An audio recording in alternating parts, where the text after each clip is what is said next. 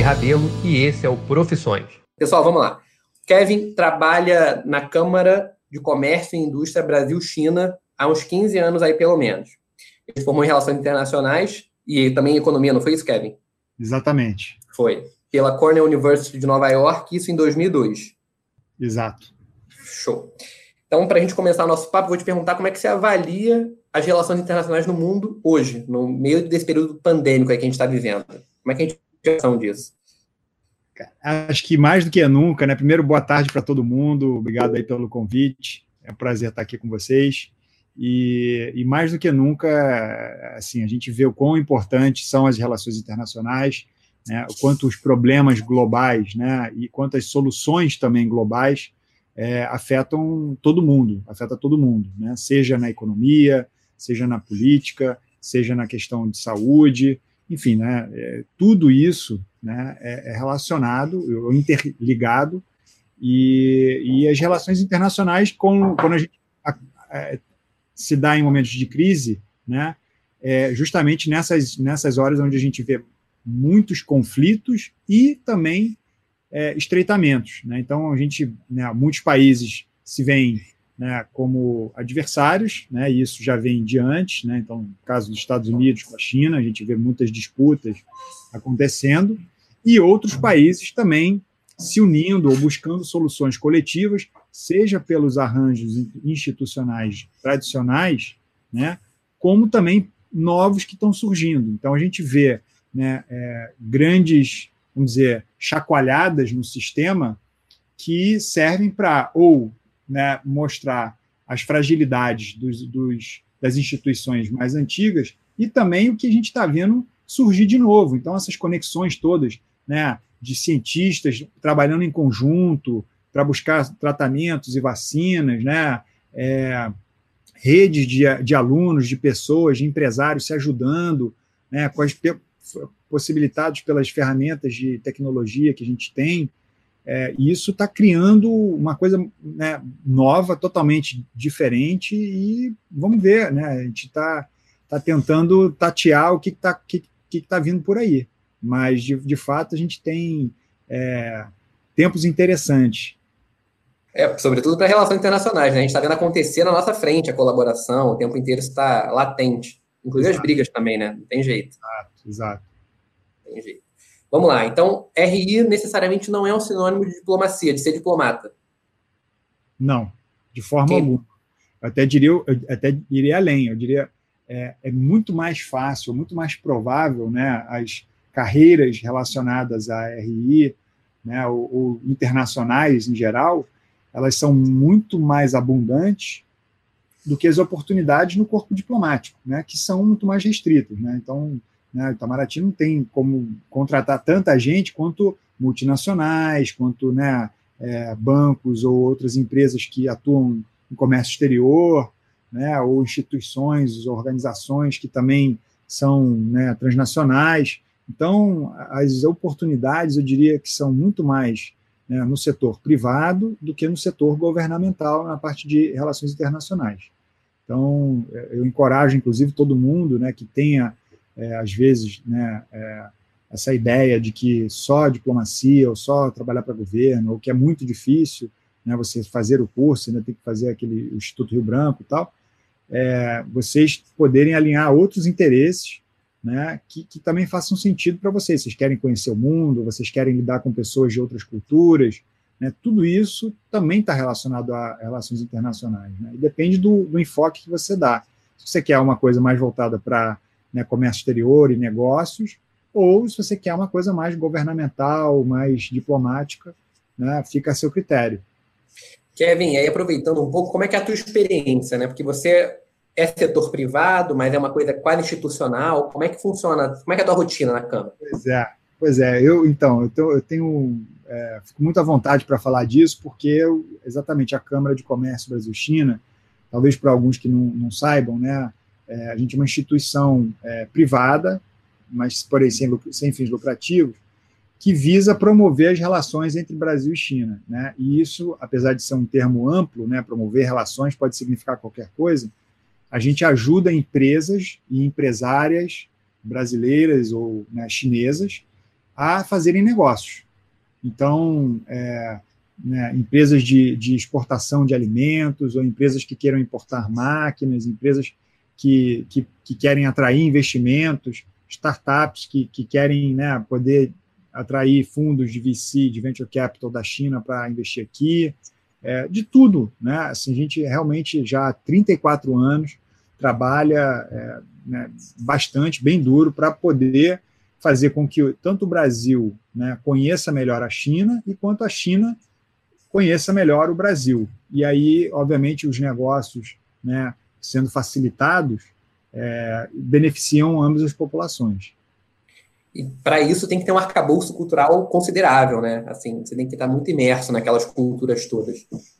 Pois é, pois é. Então, assim, a beleza de relações internacionais, né, uma das vantagens que eu, que eu, que eu vejo, né, e, e aí isso, voltando um pouco à pergunta anterior também, é a amplitude e a visão que você tem de, do mundo, né? Então, seja trabalhando com empresas privadas, seja trabalhando com governos, que a gente também ajuda, né? É, a gente leva governadores para a China para atraírem investimentos para o Brasil, né? A gente recebe também autoridades do governo chinês aqui no Brasil, né, que lideram delegações de empresários é, para poderem investir no Brasil ou buscarem oportunidades de negócio no Brasil, né, é, a gente consegue é, ter um olhar muito é, multidisciplinar.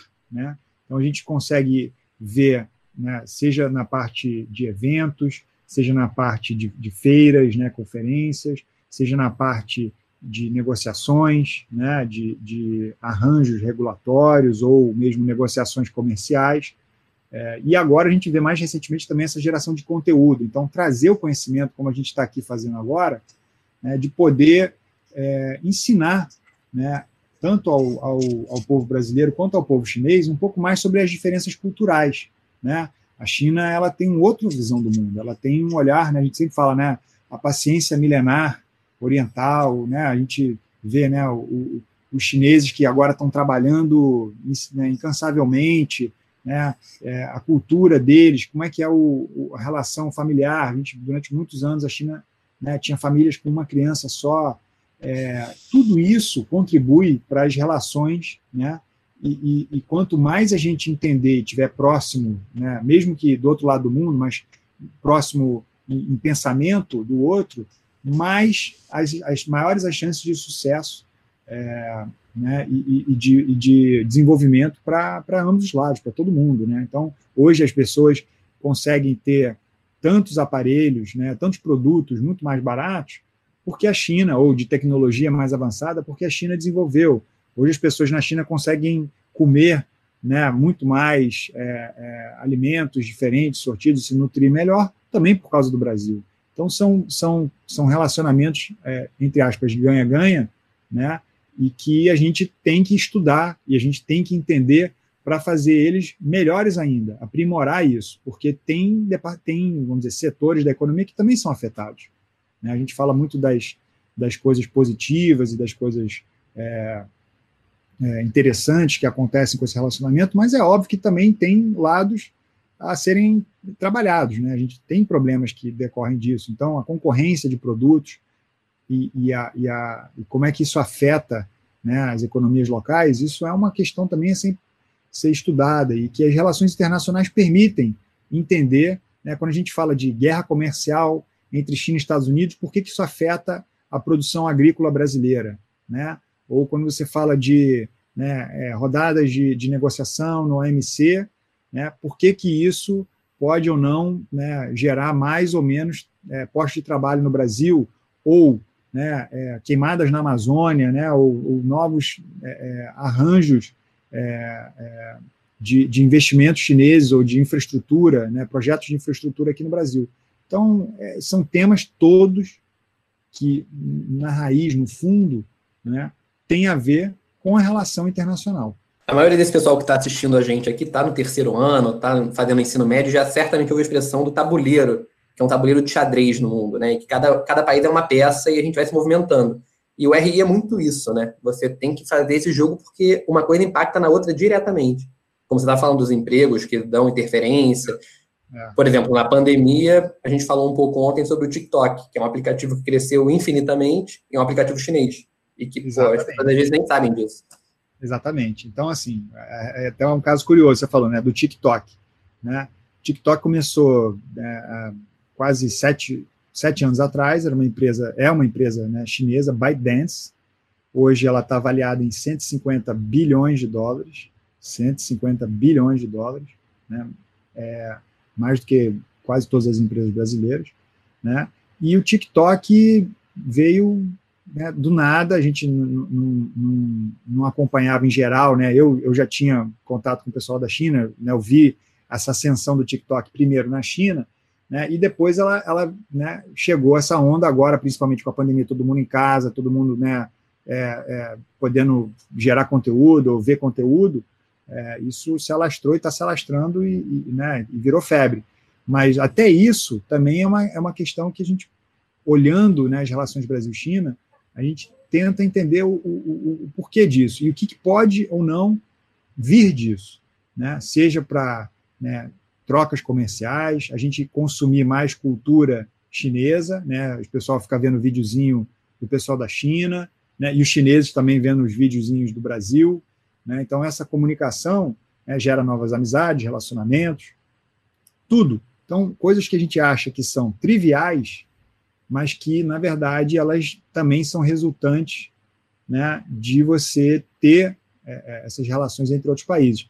E, outros, e, outros, e outras situações onde isso não é possível. Então, lá, tem, tem países onde né, a gente sempre se fala por, por WhatsApp, né, na China as pessoas usam WeChat. Né?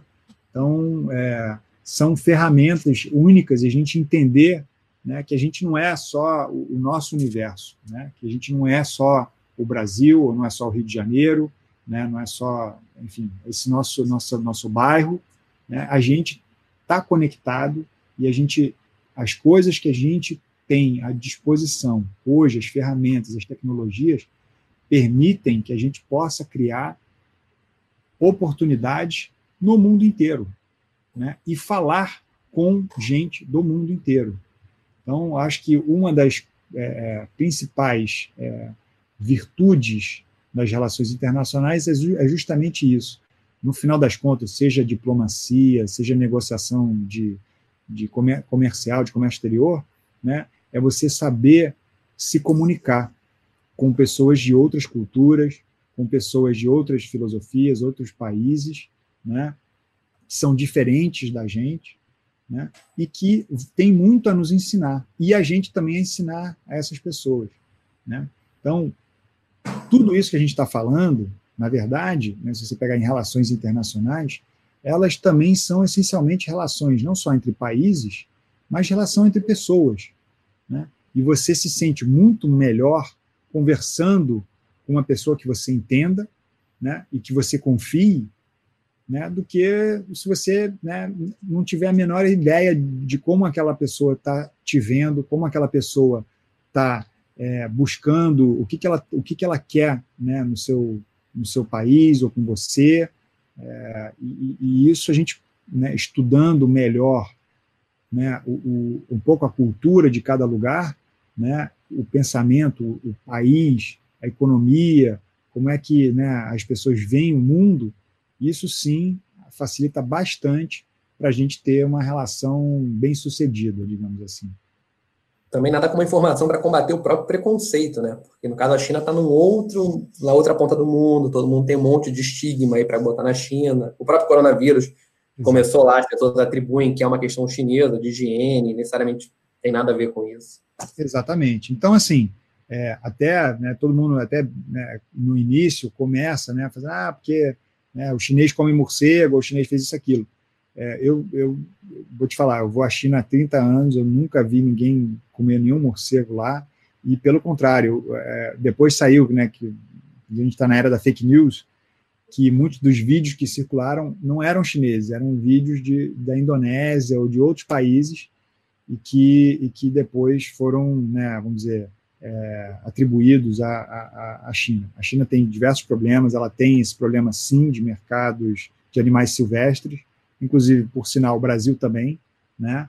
É, E aí, falando um pouco sobre né, culinária, um pouquinho mais é, à parte, né, a gente questiona muito é, as outras culturas, as outras pessoas, e eu né, também chegava, uma das coisas que a gente faz muito na China, né, é jantares ou almoços de negócios, né, então você tem um banquete chinês, né, e eles trazem um monte de pratos, como a gente também às vezes leva o pessoal, né, para comer num restaurante, no almoço de negócio, e eles oferecem todo tipo de, de, de comida, né, e, e, eu, conversando com o meu amigo chinês, eu, eu perguntei, uma, cara, sim, como é que os chineses né, conseguem comer tantas coisas exóticas né, que para a gente é tão estranho?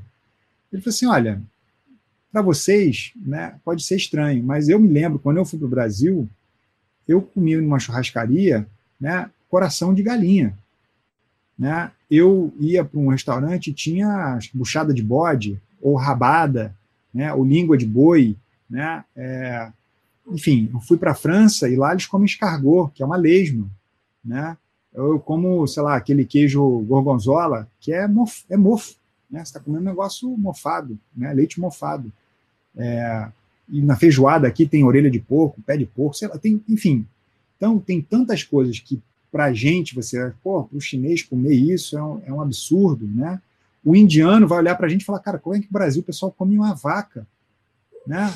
Vaca é sagrada, cara. Como que isso é possível, né? Então, assim, tudo a gente tem que se colocar, vamos dizer, o pelo menos RI ajuda você a entender melhor né, é, as diferenças entre países, as diferenças entre culturas.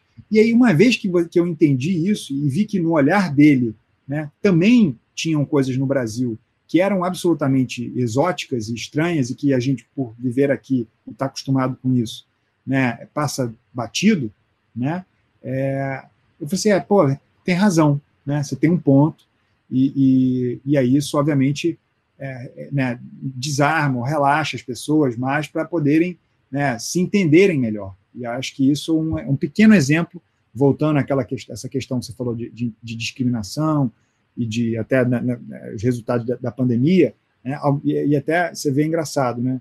É, por outro lado, né, hoje a gente depende mais do que nunca da China fornecer equipamentos e, e, e produtos né, é, respiradores e, e, máscaras, etc., que vão proteger a gente. Né?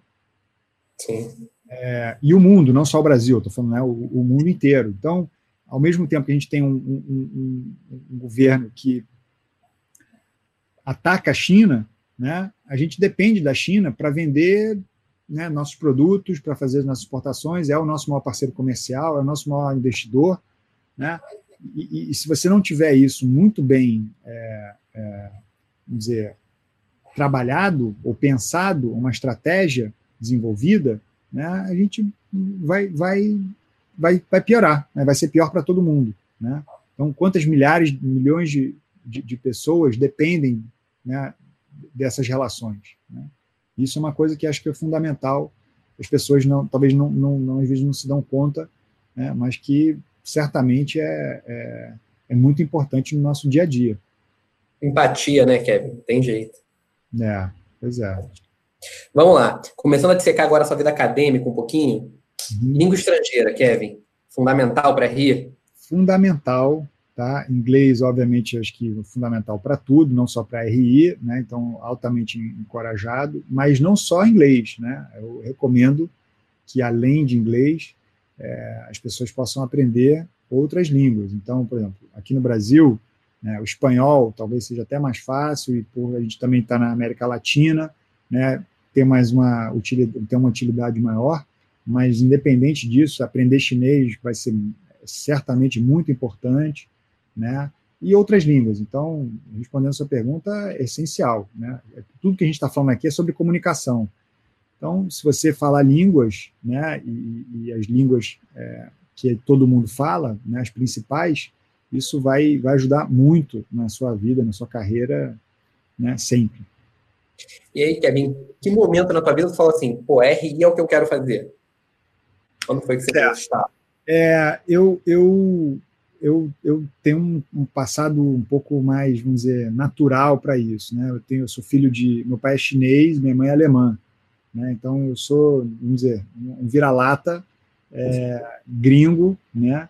É, e que e por isso e por ter essa convivência desde cedo, né, com culturas diferentes, como eu falei, né, de, de das famílias né, terem suas tradições, né, eu ia né, comer comida chinesa na casa da minha avó, né, e depois na semana seguinte ia na comida alemã da, da minha dos meus outros avós. Então isso sempre me deu muita é, é, curiosidade, não curiosidade, mas assim sempre me, me, me, me é, atiçou essa, essa vontade de conhecer mais as relações internacionais, como é que os países se relacionavam, e para mim foi uma coisa muito natural. Isso se aprofundou mais mesmo, né? Quando eu estava iniciando a faculdade, eu, eu, sempre pensei, eu quero fazer economia, né?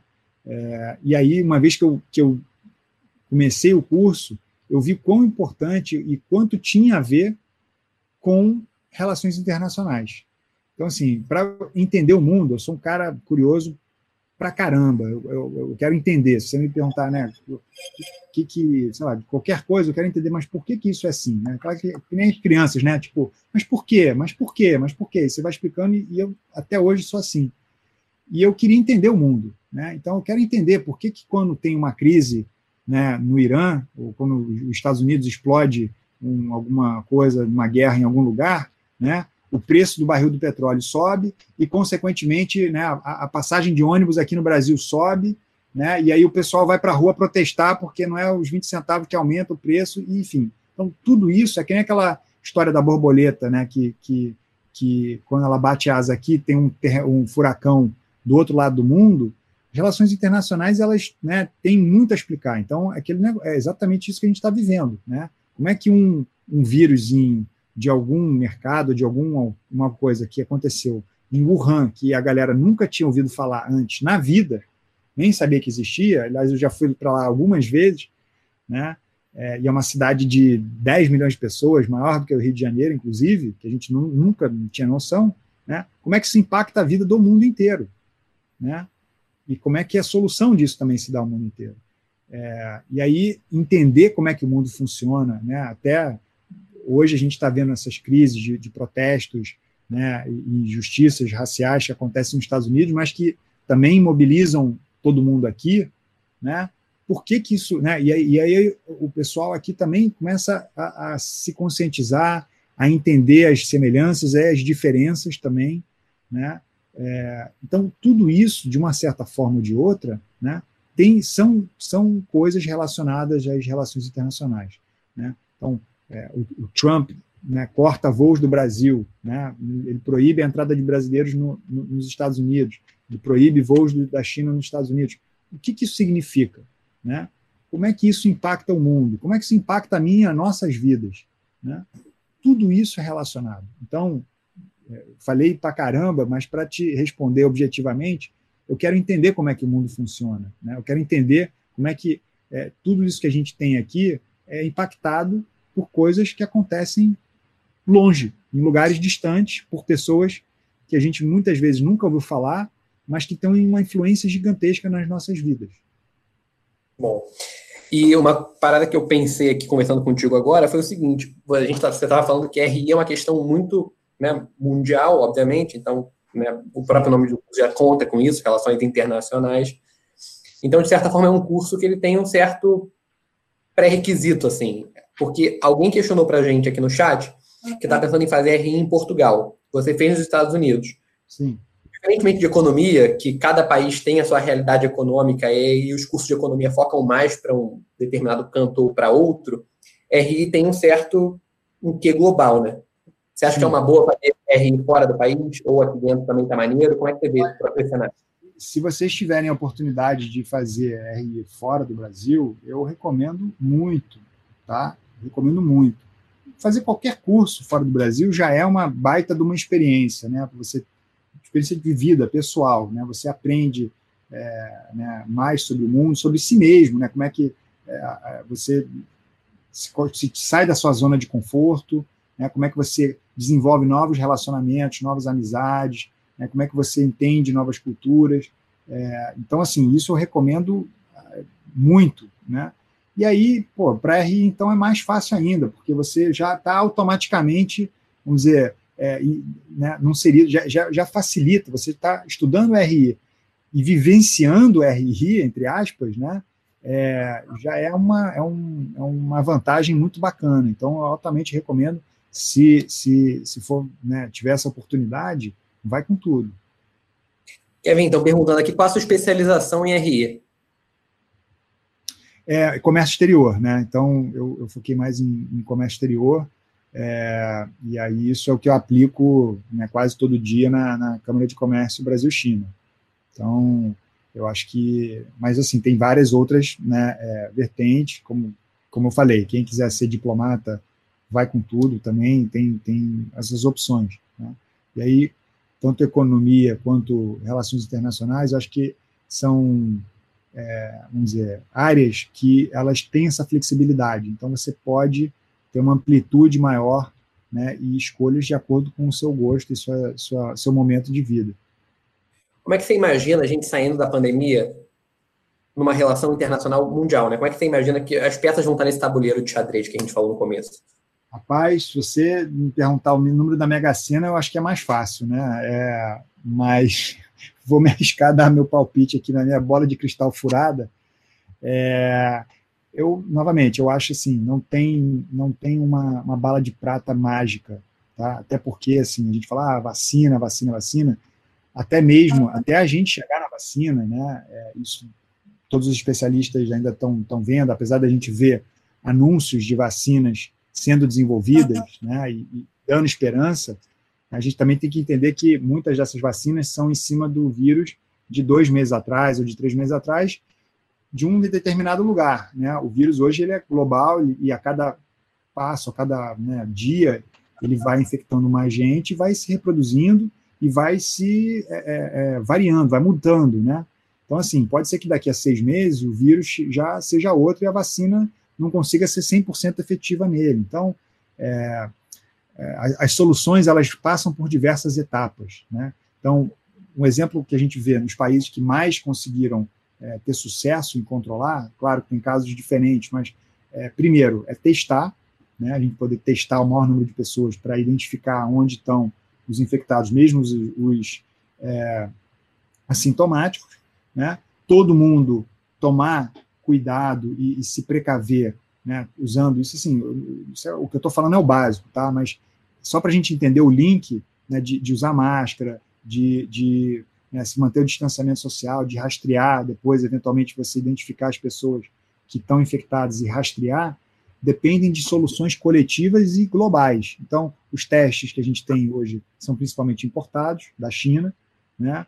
É, os testes, é, não só, desculpa, os testes, as, máscaras, as máscaras e EPIs, né, os equipamentos de proteção individual, são principalmente importados também da China, do mundo inteiro, mas né, primordialmente da China né? E muitos aplicativos e, e, e soluções de tecnologia, né, de, de, depois rastreamento, não sei se vocês têm acompanhado, mas o próprio o Google, junto com a Apple, desenvolveu nos Estados Unidos uma solução que te informa né, é, anonimamente se você entrou em contato com uma pessoa, você tem um aplicativo que você pode baixar e que te informa se você é, ele tem um Bluetooth, é, via Bluetooth e aí ele te informa se você entrou em contato com alguém que acusou ter é, ter sido infectada, né? Então você consegue saber, opa, peraí, eu tive contato há três dias atrás, ou quatro dias atrás, uma pessoa que né, acusou é, que está infectada, é, e isso obrigatoriamente assim vai, você você fica em isolamento. Então todas essas soluções, ou tudo que a gente tem visto até agora, tem sido é, em, em, esforços é, do mundo, né? Então a gente aprende as experiências com o mundo, os tratamentos, né? A gente né, há três meses atrás era cloroquina, que era o grande né, tratamento. Aí agora a gente já descobriu que não é mais. Né, e tem outros remédios, ou tem outras técnicas que vão né, evoluindo e aprimorando. Isso tudo, né, essa disseminação de informação, de informação é, e, e, essas relações, seja via OMS, né, Organização Mundial de Saúde, seja via né, os países, os, os, ministérios de saúde de países diferentes, né, uma das coisas que a Câmara está trabalhando é justamente trazer esse conhecimento dos chineses, que tiveram muito sucesso em tratar coronavírus lá na China, para instituir as melhores práticas, aprender as lições dos chineses aqui no Brasil. Né? Então, como é que a gente pensa nisso? Então, a solução para o problema ela é uma solução complexa, ela é uma solução que vai levar tempo e trabalho e que ela também requer né, cooperação internacional. Então, a solução não vai sair só do Brasil, né, até mesmo a própria vacina. Né, pode, tomara que a gente consiga descobrir uma vacina, mas a probabilidade é que essa vacina ela saia primeiro em outros países e, eventualmente, a gente traga elas para cá. Né? Então, tudo isso, né, respondendo é, o que você perguntou sobre né, como é que a gente sai do coronavírus, é, depende de um esforço tremendo né, em cooperação com, com outros países. Mas você acha que as relações vão estar mais estremecidas nesse sentido? A gente vai ter menos pessoas transitando? Olha, certamente. Isso, isso sim, tá? Então a gente está vivendo, a gente viveu um, um período né, onde a globalização cresceu bastante, ela foi muito acelerada, e aí desde né, de alguns anos mais recentes, como a própria eleição né, do Trump e de outros governos é, né, que são mais é, fechados, né, ou que, que, que, não são tão multilateralistas, né, até virou né, é, um termo até negativo aqui, globalista, você é globalista, como se isso fosse uma coisa ruim, né, é, em alguns casos, é, não sei porquê, enfim, mas, mas é, a gente vê cada vez mais, né, hoje, tanto na parte de comércio, né, como é que isso vai ser afetado. Então, muitos países vão falar: opa, peraí, eu não posso né, depender, eu não posso deixar de produzir alguns produtos essenciais aqui no meu país. Não posso depender de outros países para receber respiradores, não posso depender de outros países para receber máscaras, eu não posso depender de outros países para receber. Aí você escolhe né, qual categoria de produto. E muitos produtos, como a gente viu, né, é, são made in China. Quando a China teve o primeiro, né, a pandemia primeiro iniciou lá, eclodiu lá, né, é, muitas empresas ficaram desabastecidas, porque os produtos não tinham, as pessoas não estavam indo para as fábricas produzir, né, e não podiam né, exportar. Né? E agora também, a gente agora está aqui na quarentena e outros países do mundo também estavam em quarentena, então muitos produtos importados né, podem ser, vamos dizer, suspensos, ou a gente pode né, se, se, se ver sem acesso a esses produtos, né? É, então as empresas naturalmente vão falar, opa, peraí, a nossa, nossa rede, de, nossa cadeia de, de, de suprimento, ela está muito complexa, ela está muito longe, ela está muito né, é, é, é frágil, então, vamos produzir mais coisas aqui? Vamos produzir mais coisas aqui, mesmo que seja mais caro, mas se acontecer uma guerra, se acontecer uma pandemia, se acontecer qualquer coisa lá fora, ainda assim a gente consegue abastecer né, as nossas demandas aqui. Então, é, quando você fala, novamente, de comunicação, né, e você reduz as viagens, e você reduz as relações de comércio, naturalmente você vai, é, vamos dizer, reduzir o, o intercâmbio, ou você vai fragmentar um pouco mais as relações internacionais. Isso, isso é um ciclo, isso acontece de tempos em tempos. Boa. Que, que aí na faculdade tinha uma coisa que chamava que gostava mais, não. Como é que, que, que esse aluno vai encontrar daqui, daqui no final do ano, não, é? Mas quando tiver prova e ele entrar na faculdade, o que ele vai encontrar? Em que sentido? Desculpa, como assim? Como é que vai ser a formação do aluno de RI? É, aliás, desculpa primeiro, galera, é, é, se eu estiver falando demais, às vezes minhas, minhas respostas são muito, muito elaboradas, tá? É, por favor, me, me avisa, tá? Não, não, quero, não quero também ser muito, muito chato, mas é, é, que eu acho que é bacana poder explicar todo o raciocínio e como é que, novamente, todas as coisas estão conectadas, né? Então, é, o que você falou, né? O que, que um aluno pretende, o que, que um aluno deveria esperar, né? uma aluna deveria esperar do curso de RI, é, primeiro, obviamente, leitura, então, assim, muita leitura, muito pensamento é, de, de, grandes é, é, é autores clássicos, né, explicando o, né, as relações e as histórias, a história das relações entre os países, como é que a gente chegou onde a gente está. Então, né, a ascensão da China, né, como é que a China chegou onde está, como é que os Estados Unidos chegou onde está, como é que são os sistemas né, que a gente hoje vive, por que, que a gente né, usa o dólar Né? Por que, que o dólar é a moeda mais aceita do mundo? Nem sempre foi assim. Né? Antigamente era a libra né, inglesa. Né? É, antigamente era ouro, né, o padrão ouro. Então, assim, tem uma história econômica, tem uma história política. Né? A gente hoje se dá com ah, as Nações Unidas, as Nações Unidas. Da onde surgiu as Nações Unidas? Né? Sim. Qual foi a necessidade disso? Então, é, entender isso, né, e, novamente, entender o mundo, né, é, você consegue através de muita leitura e, e novamente, conversando com pessoas. Né?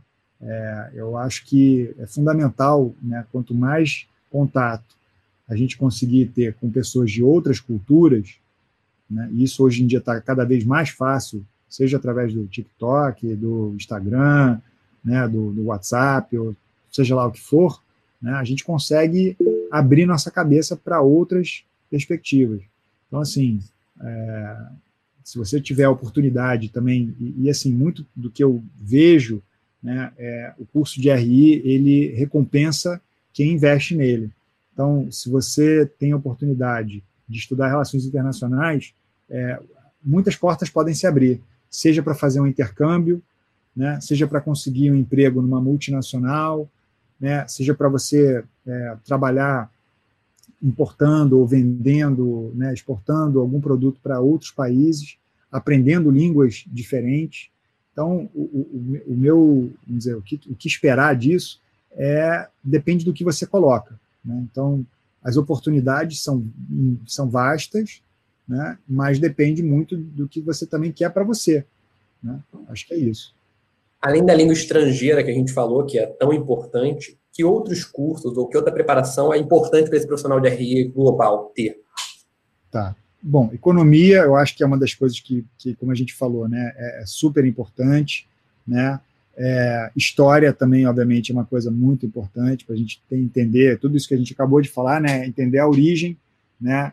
Das, das, das das instituições ou do, do, próprio país, né? Os países que hoje em dia existem nem sempre existiram, né? Então, por quê? Né?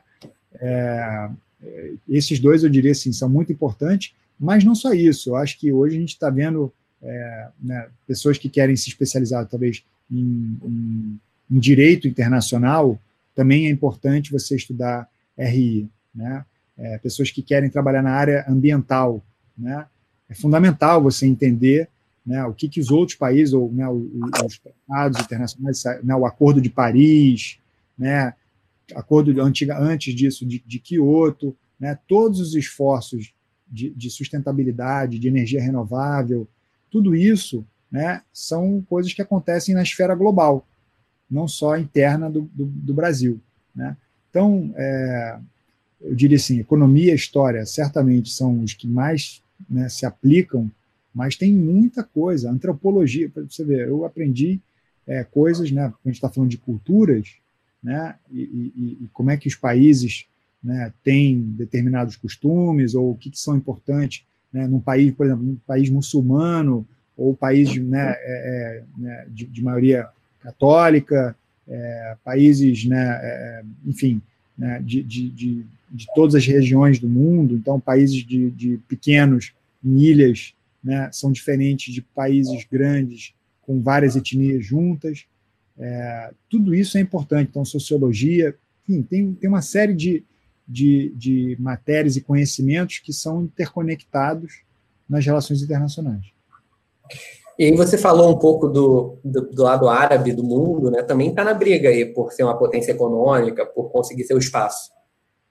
Sim, a gente é, isso aí desde, desde que a gente é, é, se, né, se, entende por gente, né? Há muitos anos, há muitas décadas, né? O mundo ele tem sido, a gente está felizmente a gente está saindo de um mundo baseado em petróleo, mas ainda muito dependente em petróleo e energia, né? Tudo revolve tudo né, é, é, em torno, baseado em torno de energia e petróleo. Então, nisso o Oriente Médio né, tem sido muito importante. Mas até mesmo como parceiro comercial brasileiro, né, o Oriente Médio tem sido um ótimo cliente para os produtos brasileiros. Né? Então, eles importam muitos produtos, então, sejam alimentos, sejam máquinas, né, é, moda, inclusive, também agora a gente acha até não, mas tem, tem marcas que vendem para o Oriente Médio. né, outras commodities, é, e, e, que são parceiros muito importantes para o Brasil, né, é, como, como várias outras regiões. A gente ainda não desenvolveu o potencial né, total disso, mas eu acredito que, novamente, quanto mais gente a gente capacitar e se olhar para o mundo, muito melhor vai ser a nossa relação com o Oriente Médio e com outros países. Boa, boa.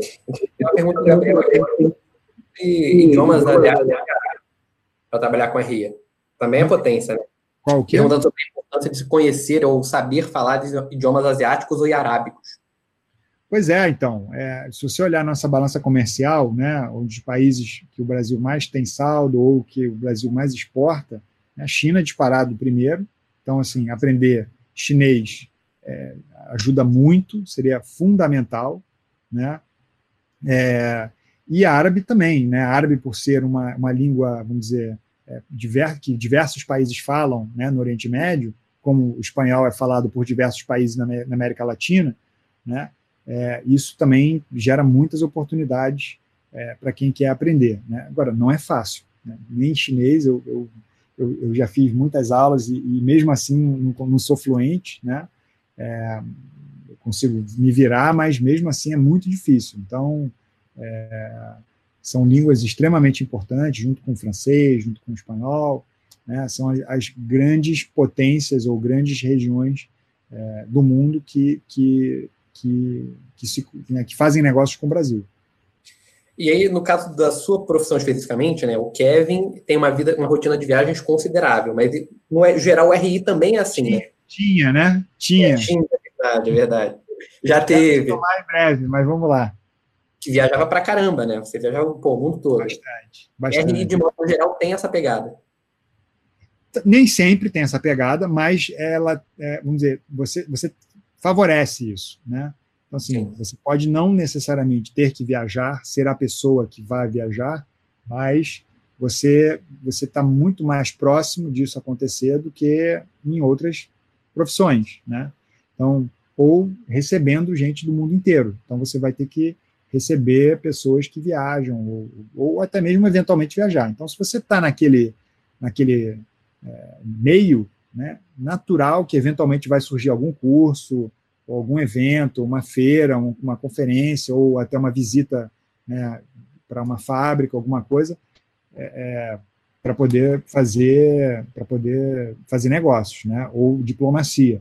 Então, é, você quer viajar o mundo, né, ou você trabalha com turismo, né, ou você trabalha com relações internacionais, ou você trabalha com né, áreas que tenham a ver com viagens, né.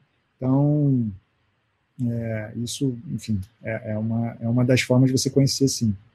E torce para não pegar uma pandemia no meio do caminho, né? Que aí Nossa, não adianta trabalhar com turismo. E assim, é, mesmo, mesmo no meio do caminho se não pega, né? O que acontece é que você fica mais é, impedido de, de, viajar. Mas a gente, como a gente está aqui agora, né, falando pelo Zoom, a gente encontra caminhos para contornar isso. Exatamente. Outra pergunta de um milhão de dólares aí. Como é que eu decido o país em que eu devo focar? Essa é uma pergunta de mais de um milhão de dólares, tá? de, de, de bilhões de dólares. É, eu, eu, sinceramente, assim, eu, na minha experiência, foi muito natural e foi, como eu te falei, quase por acaso. Né? Eu tenho família origem chinesa. E na época, quando eu comecei, a China, não, as relações Brasil-China, ninguém queria saber da China. A China é um país pobre, ou não tão rico quanto é hoje. Hoje é, hoje é fácil eu chegar aqui e falar, olha, vamos trabalhar com a China e tudo mais, e, pô, é óbvio, né? Estou falando uma coisa que, que não, não, não, precisa eu falar, qualquer pessoa já, já sabe. Então, assim, eu, eu diria o seguinte: tem oportunidade em qualquer lugar que você olhar, qualquer lugar, tá? É, o que, que te atrai? Né? Acho, que, acho que mais do que eu dizer o que eu acho que é importante, o que eu acho quais são os países do futuro, né? É, hoje é a China, amanhã pode ser outro, né? Apesar de eu acreditar que a China continuar por, continuará por um bom tempo sendo um grande parceiro brasileiro, aliás, o maior parceiro brasileiro. Mas também todo mundo está indo para lá. Eu acho que faz muito mais sentido você inverter a pergunta assim: o que, que eu gosto de fazer? Então, o que, que eu quero? Né? O que culturas que me atraem? É a cultura árabe? É a cultura escandinava? é a cultura latino-americana, né? É que, quais as regiões que, que têm é, é, mais, né, é, mais te tocam. E dentro disso, você buscar as oportunidades dentro disso. Então, se for a África, a África tem várias e várias inúmeras oportunidades de parceria com o Brasil. Né? Então, assim, olhando as regiões mundiais que mais se destacam, né, o que mais crescem, ou que são as mais emergentes, você tem Sudeste Asiático, né, você tem a África, né, você tem países que que estão né, sendo, que vamos dizer, serão alguns países do futuro, né, e dentro disso tem inúmeras possibilidades, né, e também tem possibilidades com a Europa, com os Estados Unidos, que a gente já sabe, já conhece, e mesmo assim também estão se transformando. Então, como vou dar um pequeno exemplo, né? a China evoluiu, o relacionamento que eu já trabalho com a China há, há mais de 16 anos, né? quando, gente, quando eu comecei, a, a, troca entre o Brasil e a China era só commodity, era, né, o Brasil exportava né, petróleo, soja, importava né, é, até coques de ulha, carvão né, da China, comprava aquelas coisinhas baratinhas de 1,99, né, enfim, é, era uma relação bem simples. E ao longo dos anos isso foi mudando. O Brasil começou a importar mais máquinas, começaram a vir marcas chinesas para cá de eletrodomésticos, então ar-condicionados, né, GRI, Midea, é, agora TVs, TCL, né, celulares né, da Xiaomi, tudo mais, é, carros da Jack Motors, a gente ajudou também a trazer a Jack Motors para o Brasil. É, então, o, o, nível né, das relações ou dos produtos, né, das fases do, de, das trocas, tem aumentado cada vez, ou tem evoluído né, e aumentado a sofisticação cada vez mais. Até que hoje a gente está lidando com um TikTok. Né? Então, a tecnologia pura. Né? Então, Alibaba, AliExpress, as pessoas já devem ter visto né, é, é, comprado, sei lá, feito alguma coisa pelo AliExpress. Né? É, a gente vê cada vez mais jogos, jogados jogos, jogos de videogame, também né, de empresas da China. Né? É, a gente vê isso mudando constantemente. Então, é, por que, que eu quis dizer assim, escolher a, a, a, região, mas também escolher a área, tá? Porque hoje, né, a relação com o Brasil, com os Estados Unidos, ou Brasil com a China, né, ela envolve muita tecnologia, ela envolve muitas oportunidades totalmente diferentes do que havia antes. Né? E isso vale para todas as regiões. Então, é, desculpa, eu falei um pouco é, meio vaga, não disse, olha, você tem que ir para essa região, né? porque não tem isso, depende de, de cada um. Boa. Vou fazer um contraponto agora. Como é que você vê a atuação de, de relações internacionais nos direitos humanos?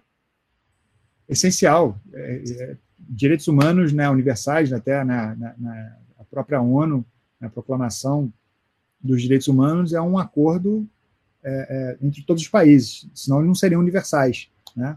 Todo mundo tem que concordar com isso. Né? Meio ambiente, mesma coisa. Mas é uma área que tem crescido, né? Porque a gente está tendo cada vez mais de respeito aos direitos humanos e os direitos internacionais acabam quase no ativismo. Olha, muito. É, e, e, digo mais, assim, cada vez mais os próprios é, os próprios debates de direitos humanos, né, é, eles estão evoluindo radicalmente. Então, toda a questão né, de, de, bioética, né, a gente vai começar a lidar com né, é, tratamentos, né, é, é, é, é, direito humano ter acesso a remédios para tratar certas doenças, né, a gente está lidando com inteligência artificial, né, que tipo de valores serão programados na inteligência artificial? Serão os valores chineses? Serão os valores americanos? Serão os valores brasileiros? Né?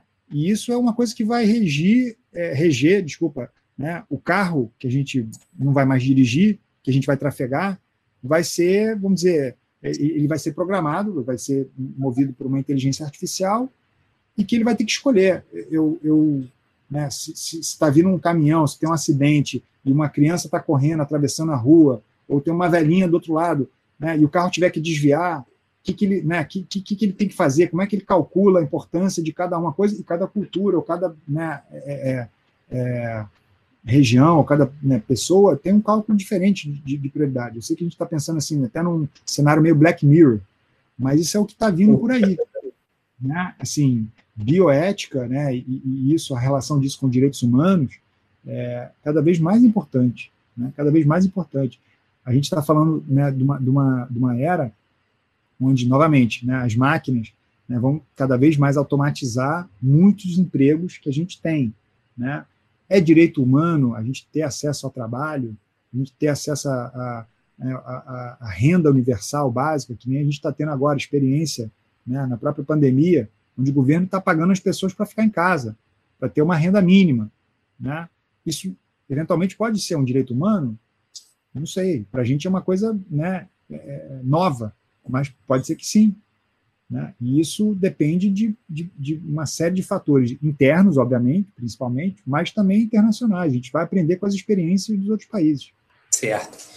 Kevin, para a gente começar a chegar no final, vou te perguntar o seguinte: networking, fundamental também, né? Se cria muito Cara, networking no teu trabalho. Isso, isso é exatamente aquilo que a gente falou no começo, né? Saber se comunicar, você construir uma rede de relacionamentos e amizades é, é, fundamental. Né? Na nossa vida aqui já é fundamental, já é importante, quem você conhece, quem são, são, são as pessoas que podem te ajudar, né? e, e, e começar do zero né, com um país novo é um desafio, mas é um desafio que traz também uma recompensa muito bacana.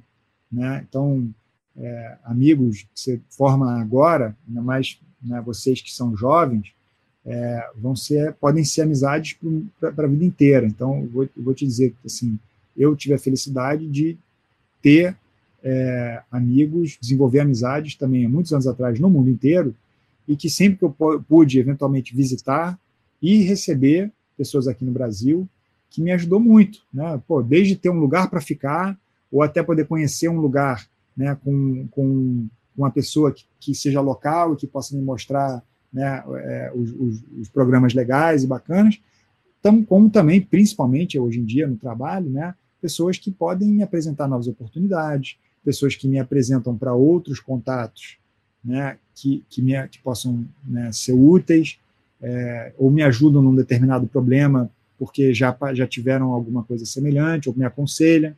Então, assim, a rede de contatos que a gente faz é, é vital. E nisso, é, realmente assim, você tem que se esforçar para desenvolver é, e você tem que também desenvolver relações genuínas, né? Você dá antes de receber, né? Você poder ajudar, você poder se prontificar, você estar tá presente.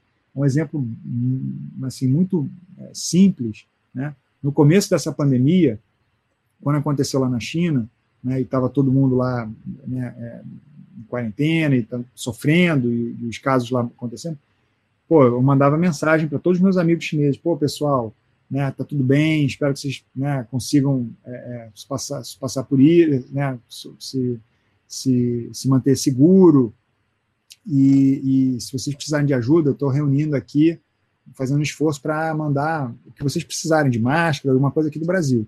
Né? Não deu um, dois meses, né, um mês e, e pouco, a situação se inverteu. Né? Mas mais do que qualquer o gesto de eu ter né, estendido a mão, ou ter né, perguntado, me preocupado, isso fez toda a diferença, porque um mês e meio depois eles que estavam mandando assim, a gente está vendo que o Brasil está ficando, né, e até agora, né, está situação muito complicada, a gente está querendo, pô, se vocês precisarem de qualquer coisa, me fala, a gente tem como ajudar, e a gente pode ajudar enviando também material, ou até botando em contato com o pessoal aqui da China que já passou por isso e tem dicas importantes. Então, assim, é, network é tudo. Isso que você falou faz muito sentido. Boa. Kevin, para a gente fechar, tacar um pouco de fogo no parquinho aqui, hum. a pergunta Olha que chegou lá. da hora foi assim, não, vai ser leve, vai ser leve. Como as atitudes do presidente podem interferir no comércio vindo do exterior?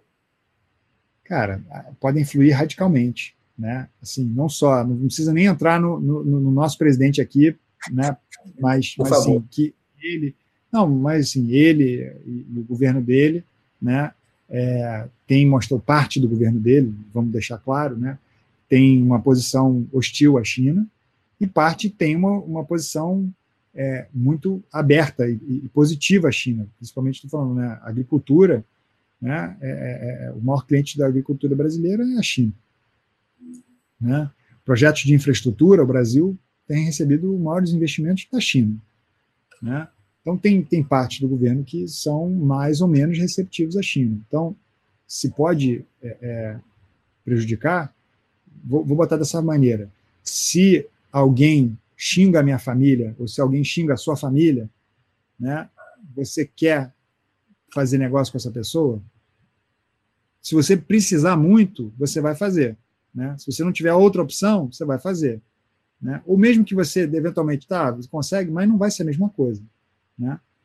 Então, é, é óbvio né, que, que manter uma, uma diplomacia, ou não só diplomacia por ser diplomático, mas o próprio interesse do país, né, é fundamental a gente ter boas relações com, com, com o maior número possível. Em geral, o brasileiro é assim, né? Ele costuma ter ótimas relações no mundo todo. O Brasil, o Brasil sempre foi um exemplo da diplomacia mundial. Né? O Brasil sempre foi um, um, um país que, que né, abriu as conferências das Nações Unidas, ele abre as conferências das Nações Unidas, ele é um, um, dizer, um, país respeitado né, internacionalmente por ser isento, ser imparcial e confiável, né? E isso está né, tá sendo modificado, nossa visão está sendo alterada quanto a isso, por enfim, por diversos motivos. Enfim. Aí, para a gente amenizar um pouco o clima, pô, Kevin, tem tanta experiência cultural de viajar tanto, enfim, tanta gente tão diferente. Quanto uma saia justa para a gente ter passou em algum momento dessa tua trajetória longa? Rapaz, tem muitas, tá? É, nesses, tanto nesses uma, uma publicável, uma publicável. Tá bom, deixa eu pensar aqui. É, não, tem, tem, tem várias, né? É, desde esses banquetes chineses, onde eu tive com, com o pessoal do Brasil, né? Que nos banquetes chineses o pessoal sempre gosta de brindar, né? E, e é uma tradição, você vai brindando com todo mundo, você vai gambei. Gambei é o tipo, você vai, vira, né? Dá a virada, vira, vira, vira o copo. Né? E eles botam uma cachaçinha que é braba.